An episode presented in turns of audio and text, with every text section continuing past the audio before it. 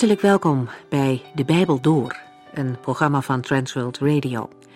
De Bijbel Door is een radioserie die u in vijf jaar meeneemt door de hele Bijbel.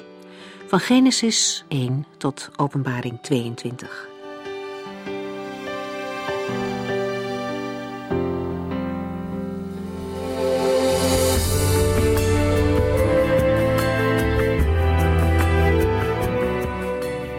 We lezen vandaag uit twee kronieken. De vorige keer ging over de tijd van koning Jegiskia. Wat is hij een bemoedigend voorbeeld? Dat er na periode van geestelijk verval altijd herstel en een nieuw begin mogelijk is. Jegiskia roept zijn volk op om naar het heiligdom van God te komen. Ten diepste riep hij hen op om hun harten opnieuw aan God te geven en een nieuwe start met God te maken. De boden van de koning worden op sommige plaatsen uitgelachen. Zo ver was Gods volk van hem vandaan. Andere mensen maken wel een radicale keuze en gaan mee naar Jeruzalem om het paascha te vieren. De opwekking die er onder deze koning plaatsvindt, gaat samen met de erkenning van fouten voor God. De priesters en levieten schamen zich, omdat zij zich onvoldoende hebben voorbereid. Maar ze gaan niet bij de pakken neerzitten, ze beginnen vanaf dat moment met heiliging en het brengen van offers. Het paascha dat gevierd wordt is sinds de tijd van Salomo niet zo geweldig geweest. Dat gebeurt er wanneer mensen zich met hun hart tot God keren. Dan is er verootmoediging, maar dan is er ook feest. De gebeden worden weer gehoord in de hemel en beantwoord. En al is nog niet alles precies zo gegaan als zou moeten, de Heere is genadig, omdat hij ziet dat de mensen hem echt zoeken. Het volk krijgt een zegen van God. Maar het feest is nog maar het begin. Men maakt er ernst mee om het land ook te zuiveren van alle afgoderij. Niet omdat de koning het zegt, deze keer doen de Israëlieten dit goede omdat ze het zelf willen. En pas daarna zoekt iedereen zijn huis weer op. Jegiskia gaat verder en regelt opnieuw de tempeldienst. Zijn inzet wordt door de Heere zeer positief gewaardeerd in dit Bijbelboek.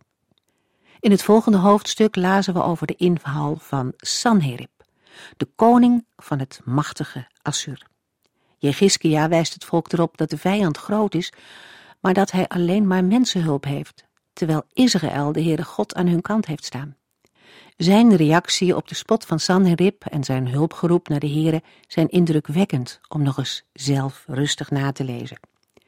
De koning en de profeet Jezaja verwachten de hulp van God. En niet te vergeefs. Jegiskia is verder nog bekend geworden om zijn dodelijke ziekte en de vijftien extra jaren die hij nog te leven kreeg toen hij de Heere aanriep. In die periode werd Manasse geboren, de zoon die hem opvolgde. En over hem lezen we vandaag in 2 Kronieken, hoofdstuk 33.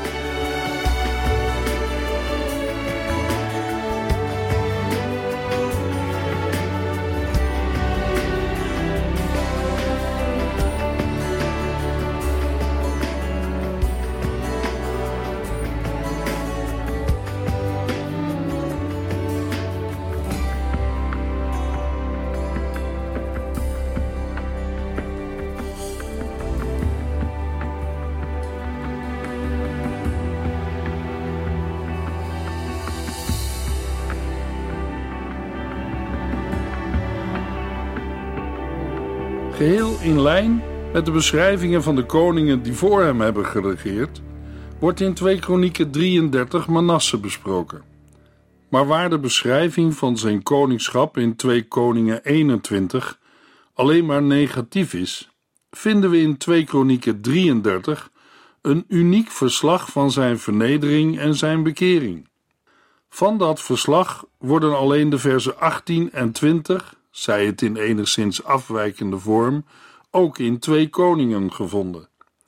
Het verslag over Manasse valt uiteen in twee delen, namelijk zijn afgoderij, vers 1 tot en met 10, en zijn vernedering en bekering, in de versen 11 tot en met 20.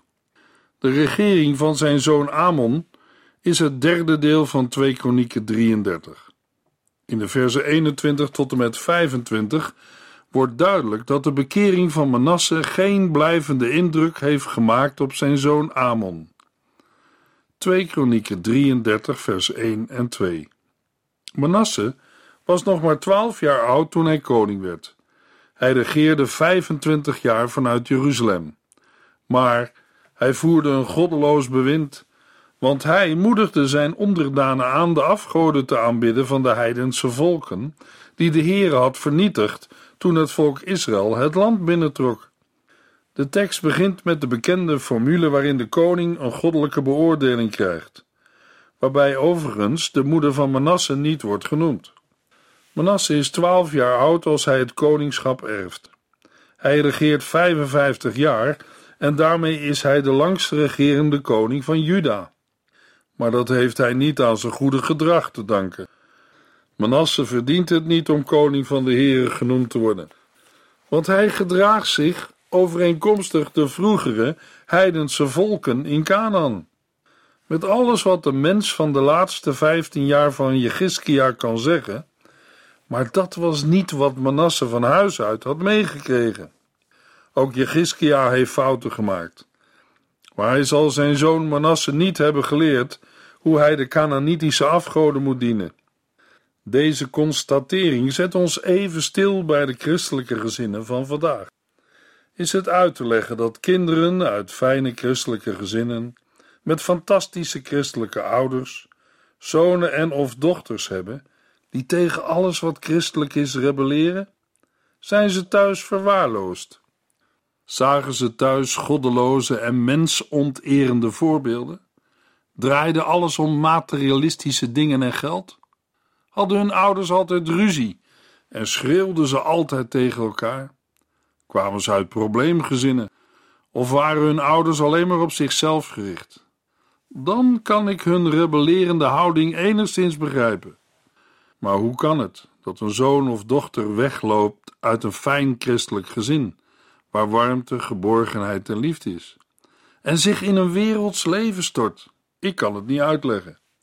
Ik kan wel een paar mogelijke redenen noemen, maar ik vind ze zelf niet overtuigend.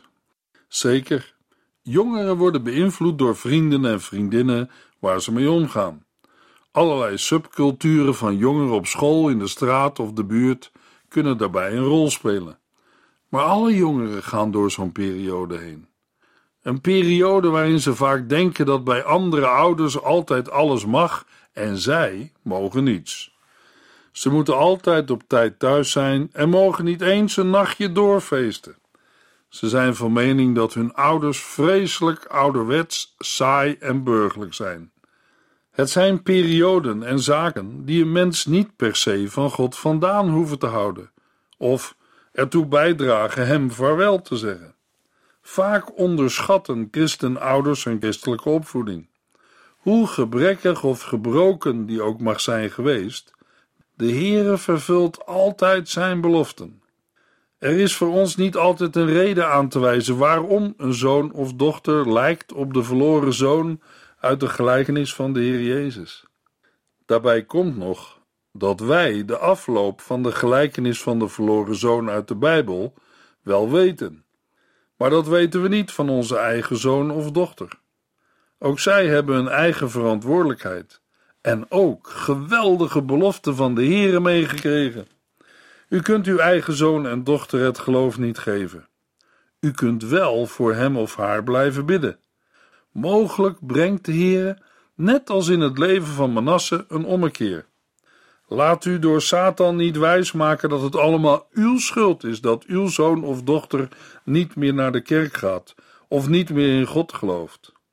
Aan de andere kant kan het best zo zijn dat bepaalde dingen die u vond dat nodig waren, kinderen hebben verdreven van Christus en zijn kerk.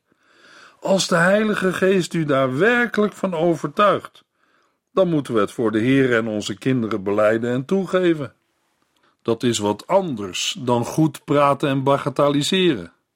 Ook uw zoon of dochter kan tot zichzelf komen en zeggen: Ik zal opstaan en naar mijn vader gaan. Ik zal zeggen: Vader, ik heb gezondigd tegen de hemel en tegen u. Luisteraar, de wonderen zijn echt nog niet de wereld uit, ook vandaag niet. En als jij zo'n weggelopen zoon of dochter bent, en je kunt niet meer terug naar je vader of moeder omdat ze overleden zijn, dan is er toch nog een hemelse Vader die op je wacht en ook jou in zijn eeuwige armen wil sluiten. Hij wil je, op grond van het volbrachte werk van zijn zoon, al je zonden vergeven en je adopteren als zijn kind voor altijd en eeuwig. De geschiedenis van Manasse begint slecht, met de mededeling dat hij een goddeloos bewind voerde. Hij moedigde zijn onderdanen aan om de afgoden te aanbidden. Maar er komt een moment in zijn leven waarin alles anders wordt.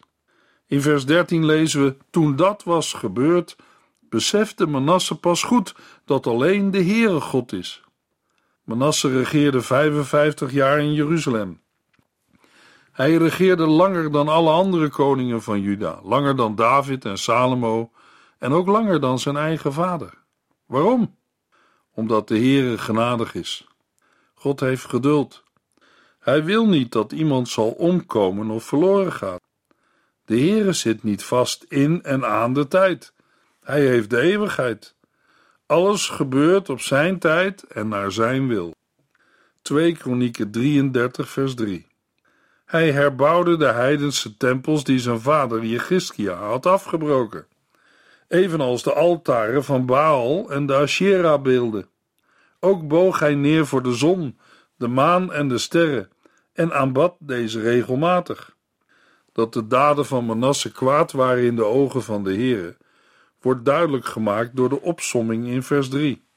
Hij herbouwt de offerhoogte die zijn vader had afgebroken. Hij richt altaren op voor de Baals en beelden voor Asherah. Hij begint de sterren te aanbidden. Op grote schaal keerde hij zich naar de afgodendienst. Hij was even slecht als Agab en Izebel, en hij aanbad de afgoden zoals zij hadden gedaan, en daarvoor de Canaanieten. Die zijn door de Heere verdreven.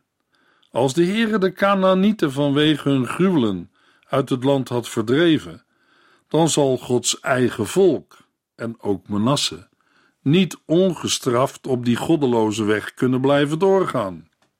2 Kronieken 33 vers 4 en 5 Hij plaatste zelfs heidense altaren op de beide voorpleinen van de tempel van de Heere, die dienden voor de verering van zon, maan en sterren. En dat op de plaats waarvan de Heere had gezegd dat hij daar voor altijd zou worden vereerd. Het blijft niet bij het vereren van andere goden. Manasse onteert zelfs de tempel van de Heere. Hij maakte altaren voor de sterren en plaatste in de beide voorhoven van de tempel en in de tempel zelf. Terwijl God had beloofd dat zijn naam voor eeuwig in Jeruzalem zou zijn, wordt hij als het ware door Manasse opzij geschoven en vervangen door de sterren. Ook vandaag zijn er allerlei moderne vormen van het aanbidden van de sterren. Het lezen van horoscopen en toekomstvoorspellingen aan de hand van de tekens van de dierenriem. Horoscopen bepalen soms het leven van mensen met wat ze wel of niet doen of nalaten. De Heer heeft zulke dingen verboden voor zijn kinderen. Ze mogen hem vragen naar de toekomende dingen. Manasse vereerde de zon, maan en sterren. Maar dat was nog niet alles. 2 Kronieken 33 vers 6 Manasse offerde zelfs zijn eigen kinderen als brandoffer in het dal Ben Hinnom. Hij ging te raden bij mediums, waarzeggers en bezweerders en moedigde elk soort afgoderij aan. Hij deed afschuwelijke zonde in de ogen van de Heere en riep zo zijn toorn op. Menasse wordt de vertegenwoordiger van de tegenstanders van de Heere. Maar ook daar blijft het niet bij. Als onderdeel van zijn afgodendienst doet Manasse zijn zonen door het vuur gaan. Dat wil zeggen, hij offert ze om iets van een god, waarschijnlijk Moloch, te horen of gedaan te krijgen. Dergelijke offers zijn uiteraard niet door God ingesteld. Sterker nog, het is bij hem nooit opgekomen iets dergelijks te vragen. Net als de overige praktijken van Manasse die hier worden beschreven, werd het brengen van kinderoffers al voor de inname van Canaan verboden. Ook de andere occulte praktijken van Manasse, toekomstvoorspellingen, waarzeggerij, toverij en het bezweren van geesten en doden, wordt in Leviticus 19 vers 26 en Deuteronomium 18 vers 10 verboden. Dit alles is kwaad in de ogen van de Heere. En dat lijkt nu precies het doel van Manasse. Hij wil God krenken. De betekenis van Manasse is doen vergeten. Maar waar Jozef zijn zoon zag als Gods geschenk om zijn moeite te vergeten, kan hier gezegd worden dat de naam op ironische wijze symbool staat voor de regering van Manasse. Hij doet het volk vergeten wie het dienen moet. 2 Kronieken 33 vers 7 en 8 Hij presteerde het zelfs een afgodsbeeld in Gods eigen tempel neer te zetten, waarvan God tegen David en zijn zoon Salomo had gezegd: Ik zal worden vereerd in deze tempel en in Jeruzalem de stad die ik uit alle andere steden van Israël heb gekozen om daar voor altijd te worden vereerd. En als u zich aan mijn geboden houdt en aan alle wetten en aanwijzingen die Mozes u heeft gegeven, dan zal ik Israël nooit meer verbannen uit dit land, dat ik uw voorouders gaf.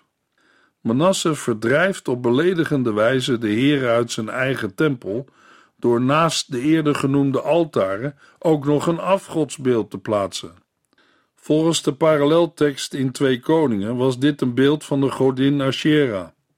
De Heer had wel beloofd zijn naam tot in eeuwigheid in Jeruzalem te vestigen en zijn volk in het land te laten wonen, maar wel onder voorwaarde dat het volk aan zijn geboden gehoor zou geven. 2 Kronieken 33 vers 9 en 10 maar Manasse moedigde de inwoners van Juda en Jeruzalem aan tot nog meer goddeloze daden dan de volken hadden gedaan die de Heere destijds vernietigde toen Israël het land binnentrok. Hoewel de Heere tot Manasse en zijn volk sprak, luisterden zij niet naar zijn waarschuwingen. In een afsluitend vers wordt de aard van het handelen van Manasse nog eens kort samengevat. Hij heeft het volk aangezet tot meer kwaad dan de Canaanieten hadden gedaan, die voor Israël in het land hadden geleefd en die waren uitgeroeid. Ondanks al deze gruwelen geeft de Heere het nog niet op en spreekt hij tot Manasse en zijn volk. Er is nog hoop, ondanks de opeenstapeling van zonden. Manasse en het volk luisteren niet, en dan lijkt het oordeel onafwendbaar.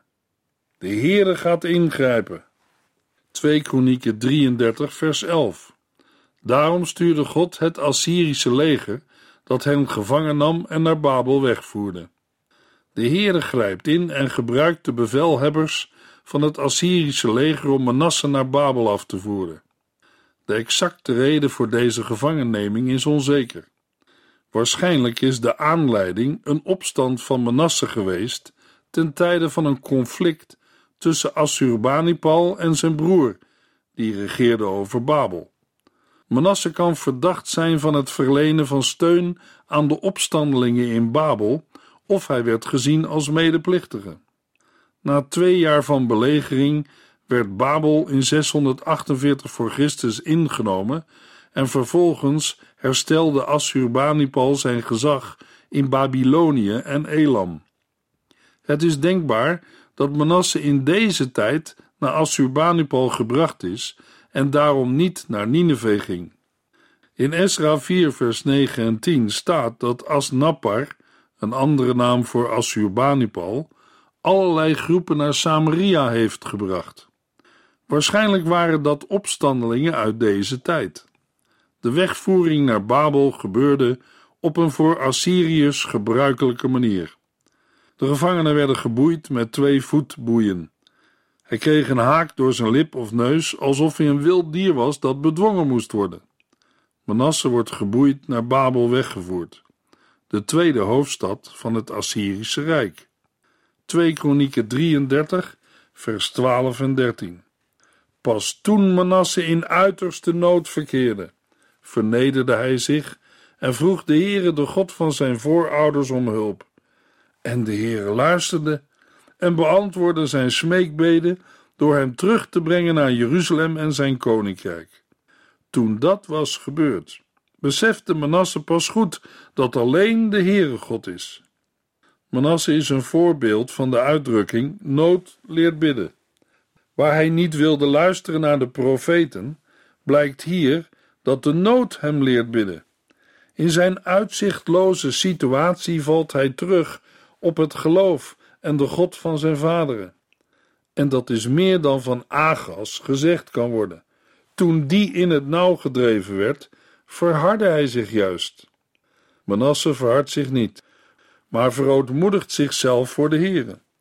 Manasse wil in eerste instantie helemaal niet naar de Here luisteren.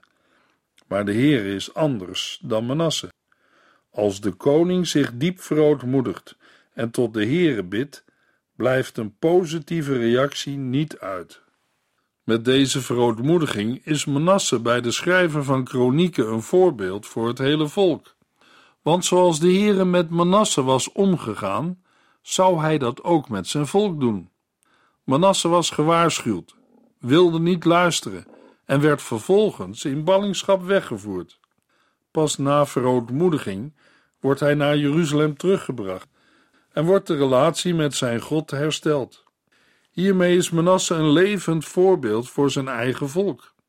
Als zij net zo hardnekkig zijn als hun koning voor zijn verootmoediging, dan worden ook zij in ballingschap weggevoerd.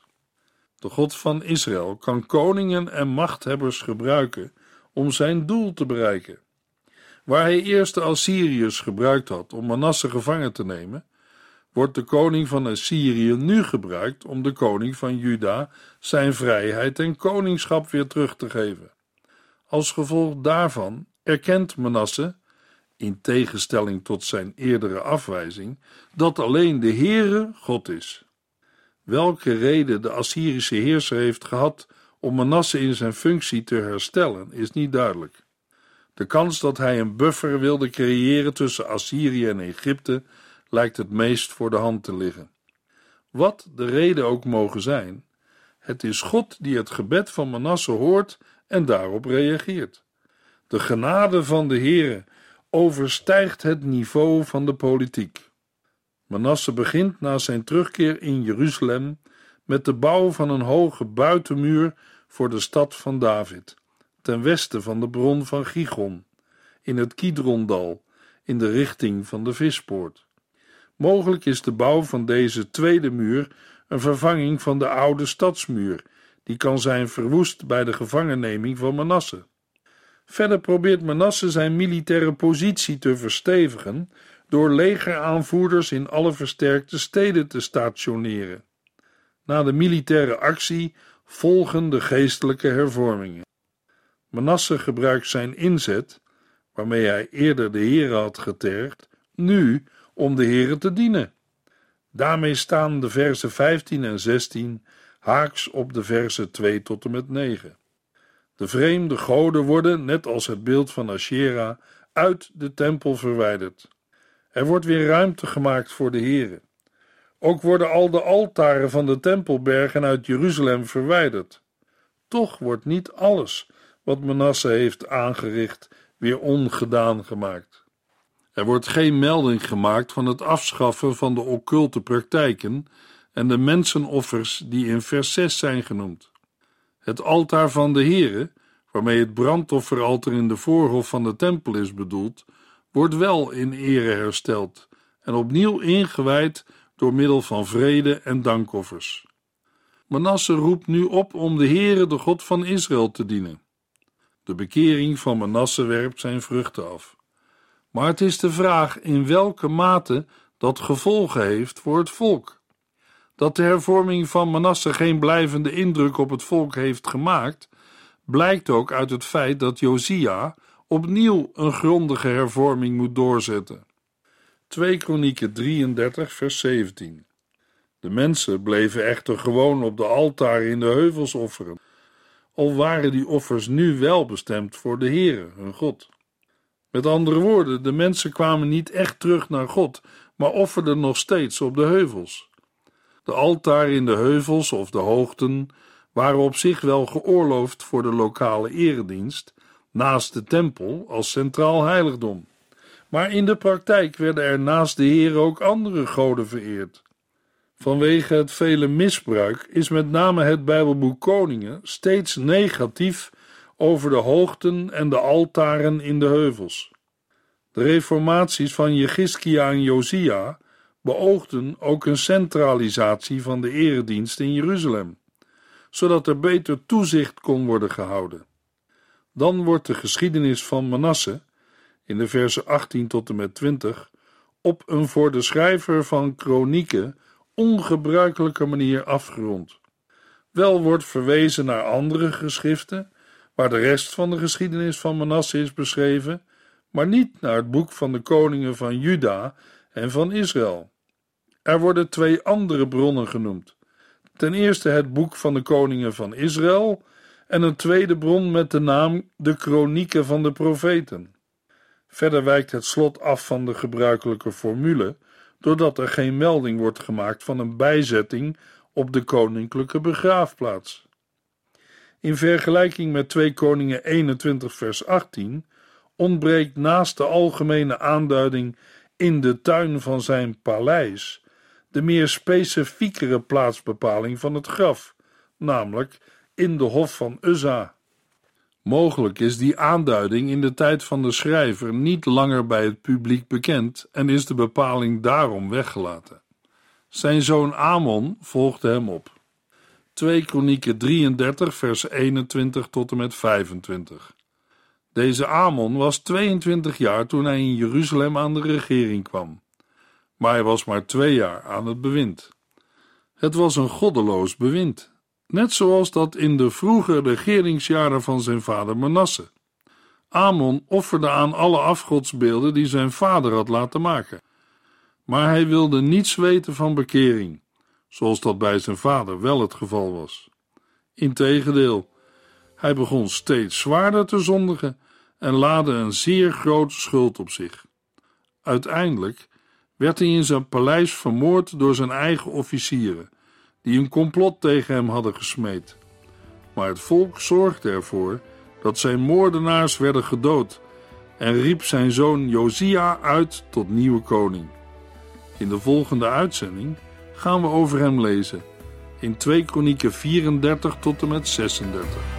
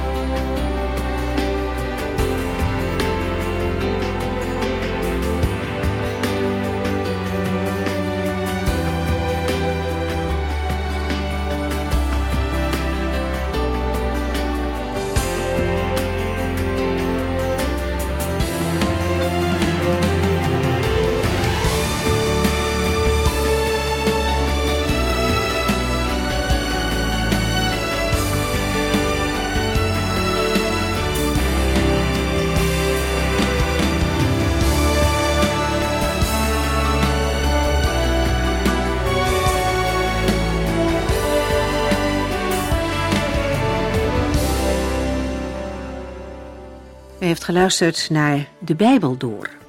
In het Nederlands vertaald en bewerkt door Transworld Radio. Een programma waarin we in vijf jaar tijd de hele Bijbel doorgaan. Als u wilt reageren op deze uitzending of u heeft vragen, dan kunt u contact met ons opnemen. Tijdens kantooruren kunt u bellen op 0342 47 8432. 0342 47 8432. 32. Ook kunt u een e-mail sturen naar de Bijbel door transworldradio.nl en natuurlijk kunt u ook via de post ons bereiken. TWR, postbus 371, postcode 3770, AJ in Barneveld. Dit programma werd gepresenteerd door Cor Weda en Ike André. Techniek was in handen van Odin van Woerdekom. En wij allemaal bedanken u voor het luisteren.